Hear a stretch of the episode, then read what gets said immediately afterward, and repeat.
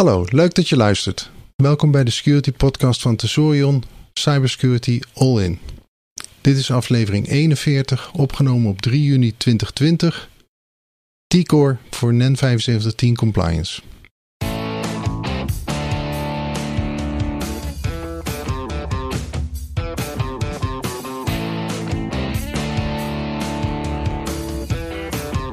In deze aflevering bespreken we hoe T-Core naar NEN 7510 Compliance leidt.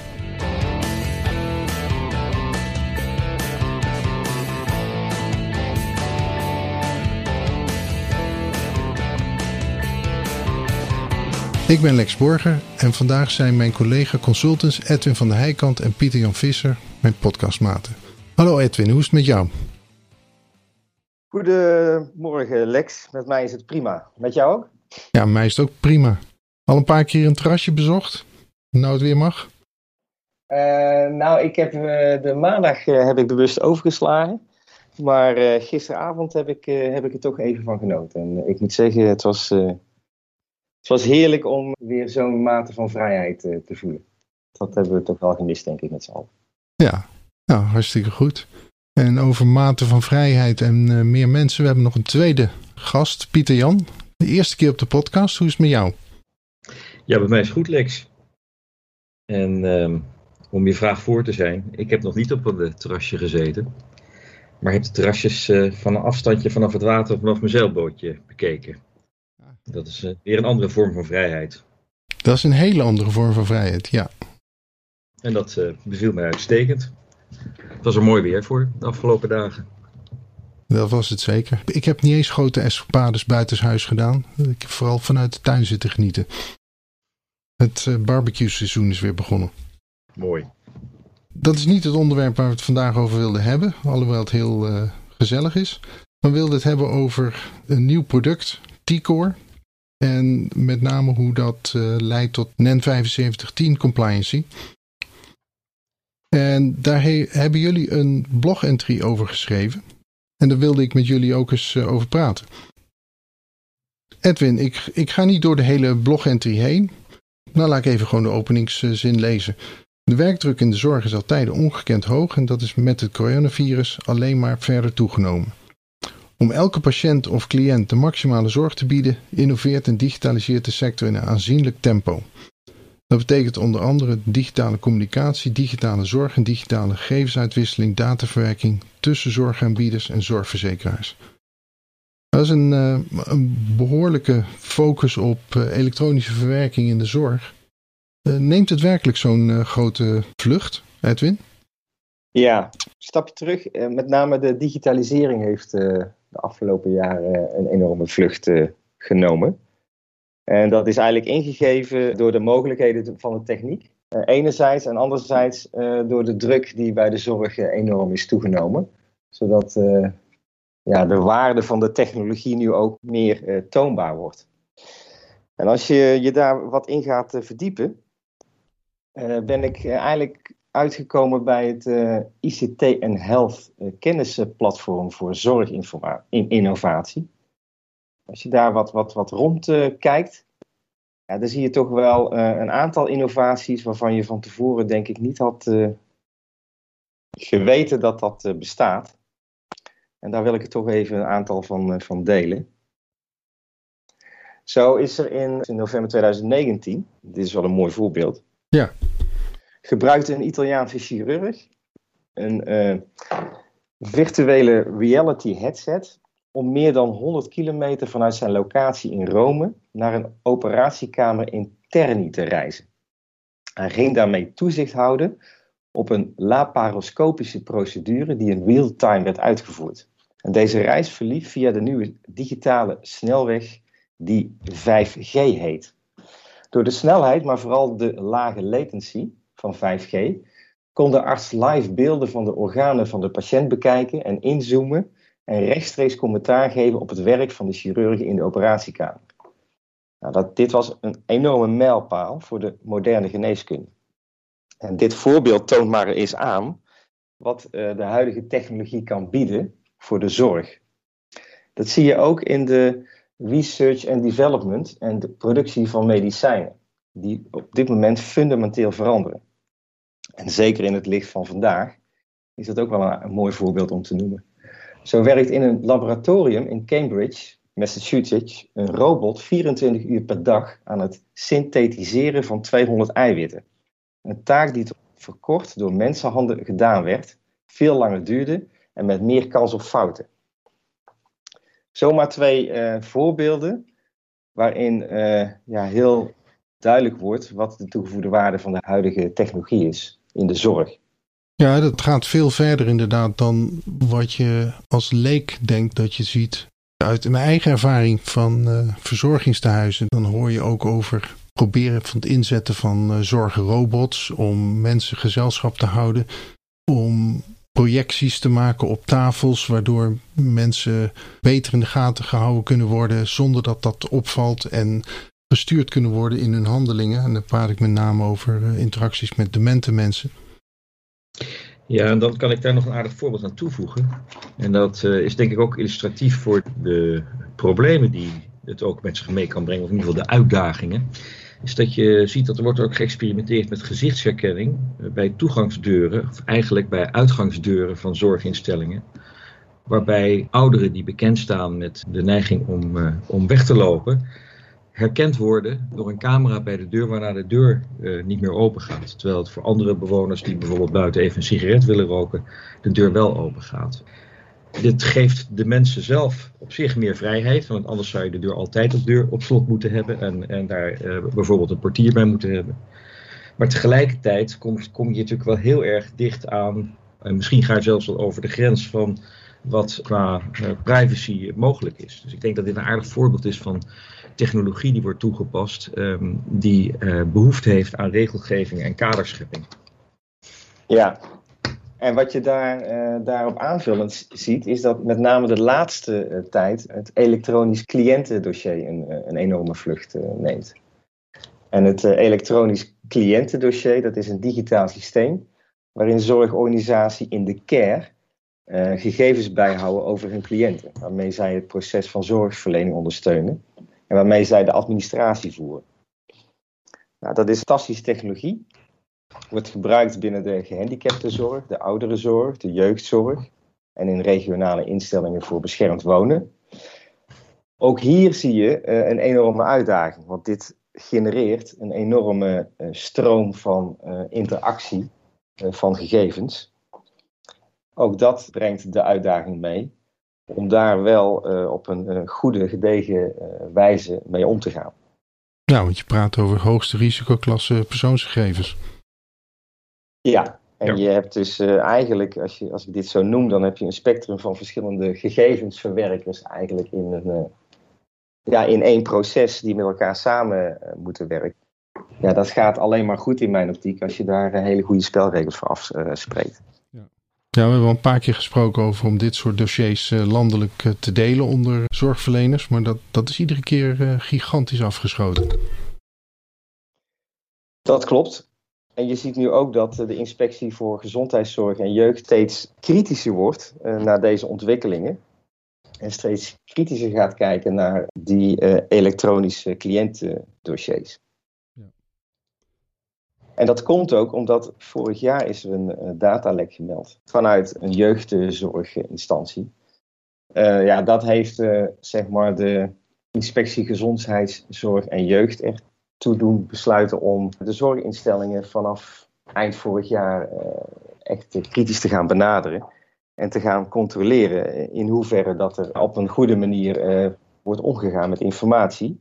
En ook kritisch gaat bekijken en onderzoeken of dat informatiebeveiliging in de jeugdzorg op orde is.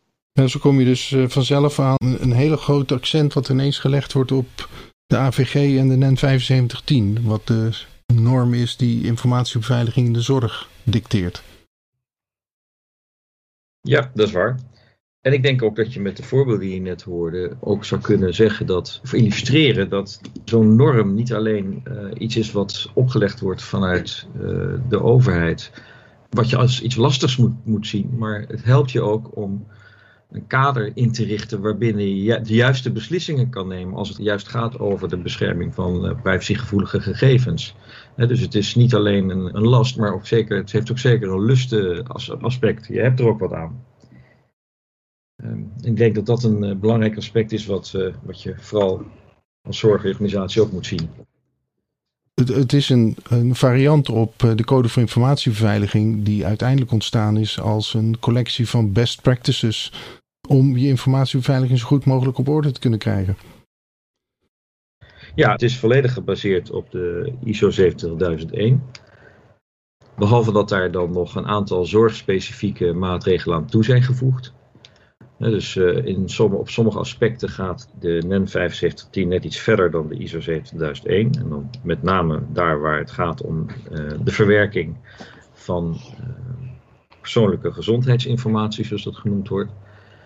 En er zijn ook een drietal aanvullende eisen gesteld die je niet terugvindt in de ISO 27001. Maar verder komt de NEN 7510 of het overgrote deel overeen met de 27001. Wil je daar ook jezelf aan eh, conformeren als uh, instelling? En dit geldt voor alle zorginstellingen, toch? Dit geldt voor zorginstellingen. In zijn algemeen geldt dit voor organisaties die persoonlijke gezondheidsinformatie verwerken. Dat is eigenlijk het kernwoord. Hè? De persoonlijke gezondheidsinformatie. Op het moment dat je daar iets mee doet, dus dat hoeft niet per se als zorginstelling te zijn, maar dat kan ook zijn als een organisatie die een zorgapplicatie in SaaS-vorm aanbiedt. Ook dan moet je aan die NEN 7510 uh, voldoen.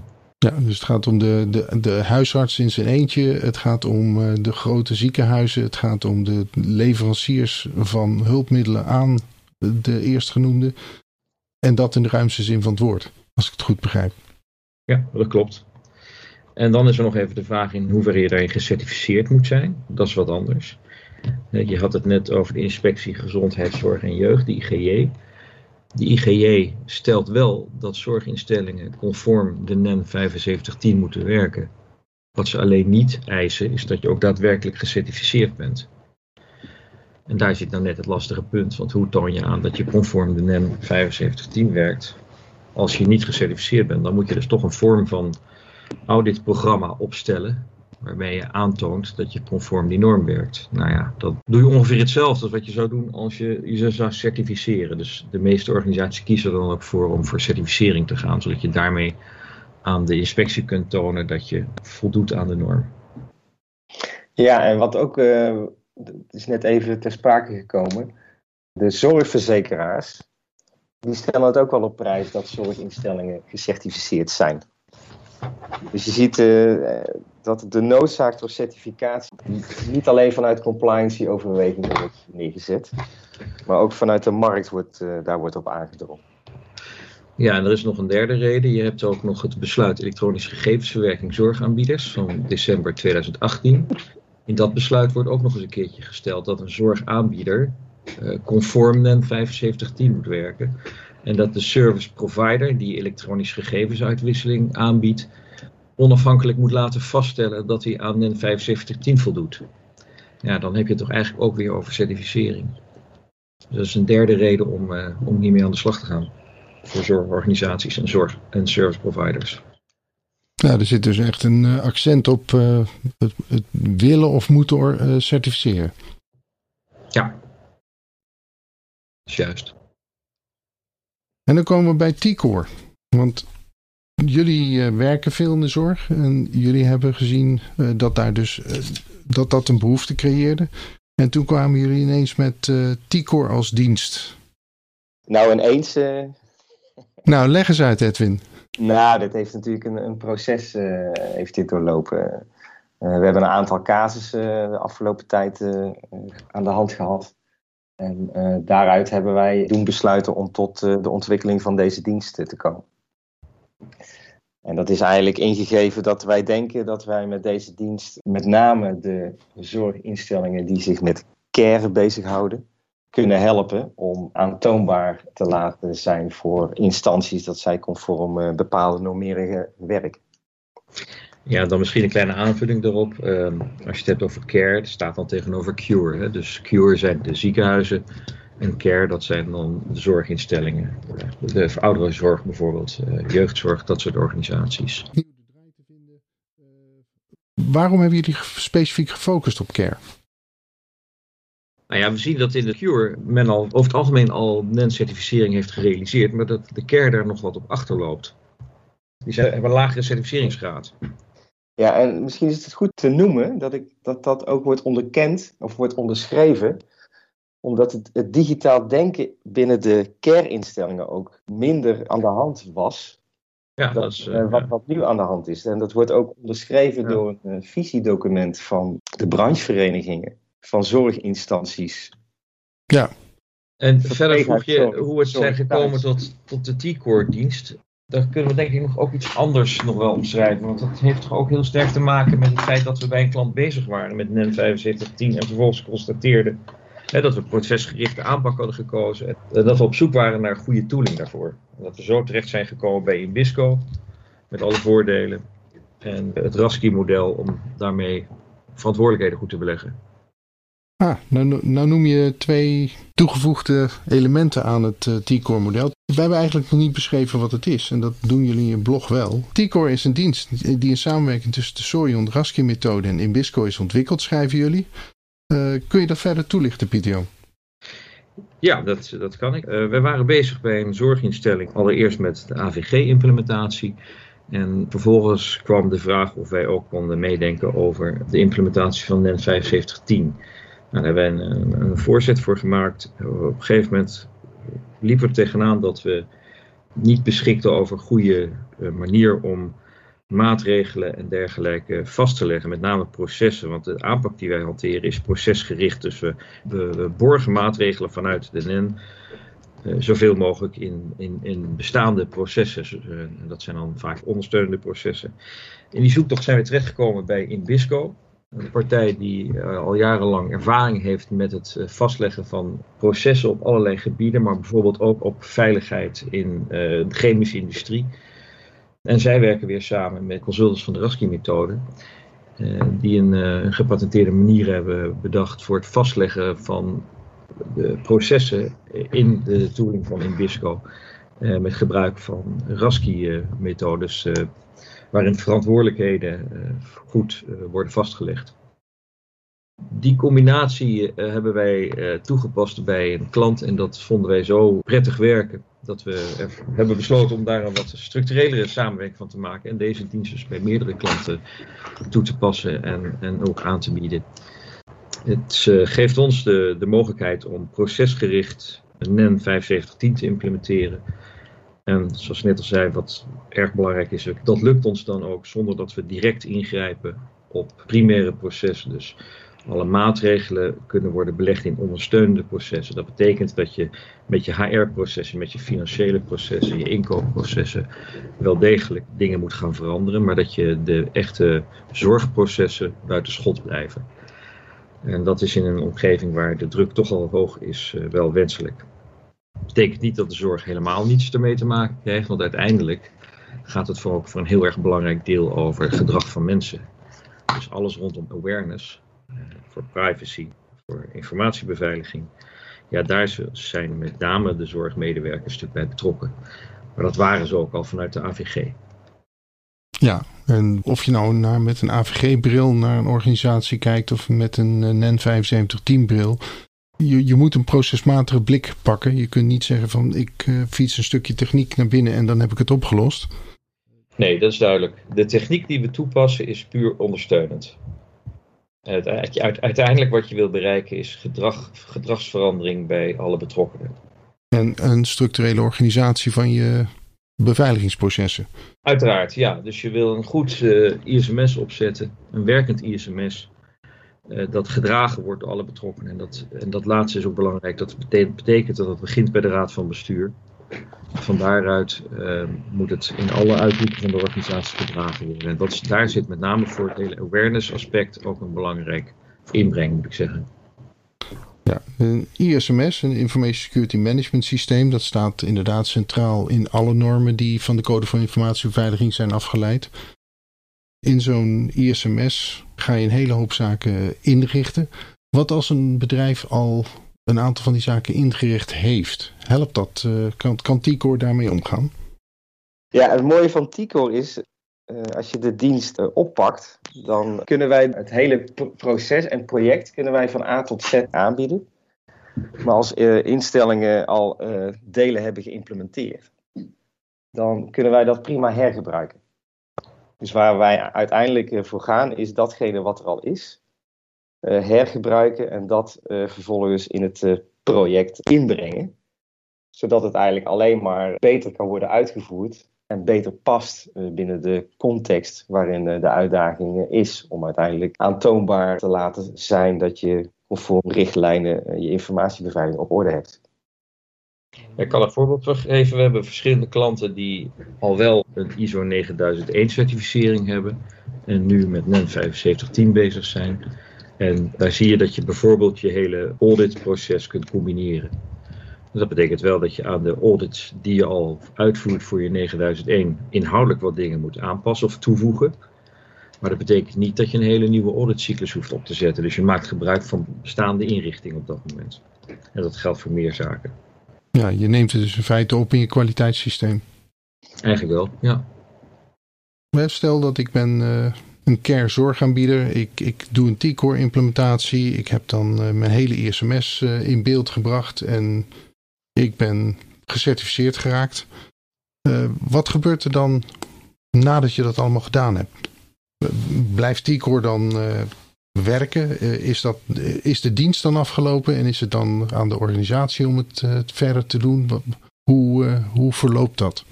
Als je kijkt naar het implementatietraject voor een NEN 7510 norm, dan zie je dat opstart als een project waarbij je de lijnorganisatie ruimschoots betrekt.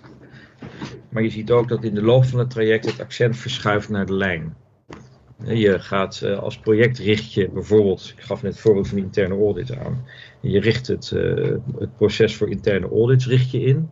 De daadwerkelijke interne audits moeten door de lijn uitgevoerd worden. Dus al duur, gedurende het traject, op het moment dat bepaalde onderdelen van je ISMS worden opgeleverd, worden die overgedragen aan de lijn en moet dat door de lijn ook worden uh, uitgevoerd. En dat kan ook niet anders als je naar certificering wil. Want een van de dingen waar de certificerende instantie naar gaat kijken is in hoeverre het ISMS ook daadwerkelijk levend is. Dat betekent, heb je het ingericht, uh, handel je daarnaar, uh, bereik je de doelen die je wil bereiken.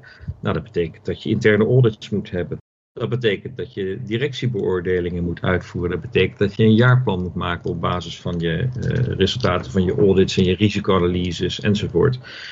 Nou, dat zijn allemaal activiteiten die in de lijn gebeuren. Dus nog voordat je uh, tot certificering over kunt gaan, heb je eigenlijk alle belangrijke werkzaamheden al overgedragen aan de lijn. En is het al iets wat binnen de organisatie is belegd. Dus ja, het project is op een gegeven moment afgelopen, maar we laten een draaiend vliegwiel achter. Dat blijft doorrollen nadat je gecertificeerd bent. En dat moet ook wel, want een jaar later komt de auditor weer langs om te kijken hoe het ermee staat. En dat gebeurt jaarlijks, minimaal jaarlijks. En na drie jaar vindt er een hercertificering plaats. Dus je wordt ook scherp gehouden. Je zult moeten kunnen laten zien dat je nog steeds met dat ISMS bezig bent. Dat het een levend ISMS is. Dat er verbeteringen worden doorgevoerd. Dat die worden geëvalueerd. En dat je met die verbeteringen ook de doelen bereikt die je wil bereiken. Ja, en het mooie van uh, deze T-Core-propositie is dat de tooling, het proces wat Pieter Jan net uh, heeft uh, beschreven, op een hele mooie manier ondersteunt. In die tooling kun je eigenlijk alles registreren wat je nodig hebt om ook een hercertificatietraject op een succesvolle manier te krijgen en te behalen. En dat maakt het wel, wel zo fijn dat je na het project iets tastbaars achterlaat en wat ook bewezen is in de praktijk dat het ook werkt en pragmatisch werkt in zorginstellingen uh, die met een uh, ISMS uh, moeten omgaan. Mee eens. Oké Pieter Jan, stel nou dat een organisatie aan de slag wil met T-Core. Hoe beginnen ze daar dan mee? Nou, waar wij mee beginnen is een uitgebreid verkenningsgesprek. We willen een beeld krijgen van de grootte van de organisatie, de, de processen binnen de organisatie, en vooral ook van de volwassenheid van de organisatie, dan met name de, de, volwassenheid op het gebied van informatiebeveiliging. Dat zijn eigenlijk drie parameters die wij nodig hebben om het calculatiemodel dat we samen met uh, eh, Rasky-methode en Ibisco hebben ontwikkeld te kunnen vullen. En op basis van dat calculatiemodel kunnen wij een hele goede en betrouwbare inschatting maken van de benodigde doorlooptijd, de benodigde inzet van de eigen mensen van de organisatie en de benodigde uh, inzet van uh, onze consultants. En daarmee kunnen we dus, uh, naast dat we een goed beeld kunnen geven van de, de inzet die ze zelf moeten plegen, kunnen we ook een beeld geven van de totale kosten van zo'n traject. Ja, en daar, daarbij wil ik aanvullen dat de druk op de gezondheidszorg die neemt alleen maar toe. En dat is met de huidige crisistijd is dat natuurlijk niet minder geworden. Daarnaast dringt eh, de omgeving aan op verdere digitalisering van de zorg. Dus wij beseffen terdege dat de benodigde inzet vanuit uh, de zorg om een certificeringstraject voor te, te bereiden, dat die daar bovenop komt. En wat wij doen in onze calculatie is ook uh, aanbieden de competenties en de resources vanuit Inbisco, de Raski-methode en Tesorion, daar waar mogelijk en daar waar nodig. Dus wij gaan eigenlijk in gesprek met uh, de zorginstelling wat er nodig is om een dergelijk project succesvol af te ronden. En vervolgens gaan we in gesprek wie uiteindelijk de resources uh, gaat leveren. Want wij zijn er wel uh, van bewust dat een dergelijk project echt wel een aanslag gaat nemen op de beschikbare resources van de zorginstelling zelf. Ja, je kunt dus een balans maken tussen de beschikbaarheid van interne medewerkers en de aanvulling door externe consultants? Daarin zijn we flexibel. Dat is echt afhankelijk van uh, ja, de situatie waarin de instelling zich begeeft. Wat ik daarin ook al eerder van jullie hoorde, was dat je heel mooi ook het resultaat wat je oplevert, doordat je alles embed in de ondersteunende processen, dat je probeert de impact op uiteindelijk de operationele uitvoering eh, te minimaliseren en zoveel mogelijk te structuriseren. Ja, dat is juist. Ja. Zijn er nog uh, afsluitende opmerkingen van jullie kant? Ja, ik heb daar nog wel. Ik, ik begon er al, al mee en ik denk dat ik mee af zou willen sluiten. Is dat. Uh, zie zo'n NEN-certificering niet als een moedje en iets lastigs, maar realiseer je dat je tegelijkertijd de kans geeft om daadwerkelijk veiliger te worden. En bovendien helpt het je ook om de juiste beslissingen te nemen als het gaat om toepassen van uh, technologie in de zorg en dat binnen de wettelijke kaders te doen. Dus in dat opzicht denk ik dat, het, uh, vooral, dat je er vooral heel veel beter van wordt. Nou, dat vind ik mooie afsluitende wijze woorden. En daarmee zit dan uh, deze aflevering erop. Als eerste wil ik graag jou, de luisteraar, bedanken dat je de podcast beluisterd hebt. Mocht je willen reageren naar aanleiding van deze aflevering, stuur ons dan een bericht. Mijn e-mailadres is lex.borger.tesorion.nl Edwin is te bereiken via zijn e-mail edwin.vandenheikant.tesorium.nl en Pieter Jan is te bereiken via uh, pieterjan.visser.tesorium.nl Wij zijn werkzaam bij Tesorium. Onze website is www.tesorium.nl Deze podcast komt ongeveer maandelijks uit.